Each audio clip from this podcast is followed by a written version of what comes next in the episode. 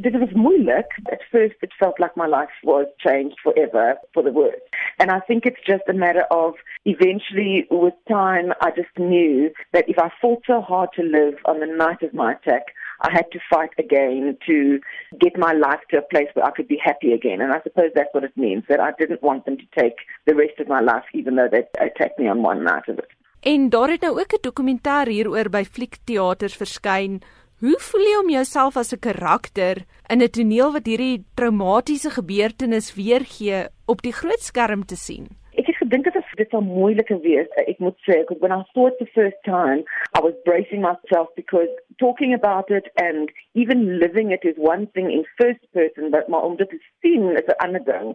But I was more amazed by what I endured and what I survived. So it was more in a nice way. I was able to see it almost like other people have always seen it, like, wow, she's amazing. So I was able to look at it almost as if it was someone else and say, wow, because the movie is, although they reenactment scenes and you see what it's gebeur on the Vicky, it's more than that. And there's more of the inspiration and more of how I fought back afterwards. So it is niet to ask for review and, You know, to go and see it is a bit of the drama, but there's also a lot of the light after. Met president Zuma se onlangse toespraak by die verkiesingsentrum, het jong vroue aan 'n protes teen vroue molestering deelgeneem. Hoe het jy ja. gevoel toe jy dit gesien of daarvan gehoor het? I was so proud of them. You know, it comes to a place where you don't actually know what to do anymore because, quite frankly, I mean, my attack happened 22 years ago.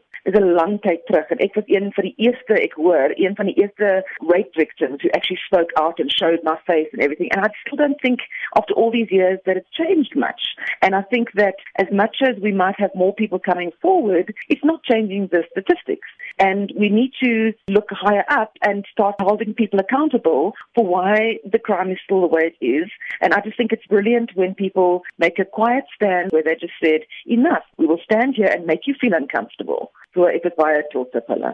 En jy het nou gepraat van rekenskap. Mense met rekenskap gee. Dis nou vroue maand en soos jy sê baie skeptisie voel om bewustheid te kweek is nie genoeg nie. So presies wie moet rekenskap gee en wat dink jy moet gebeur om die geweld teen vroue te stop? Oh, I wish I had an answer for that.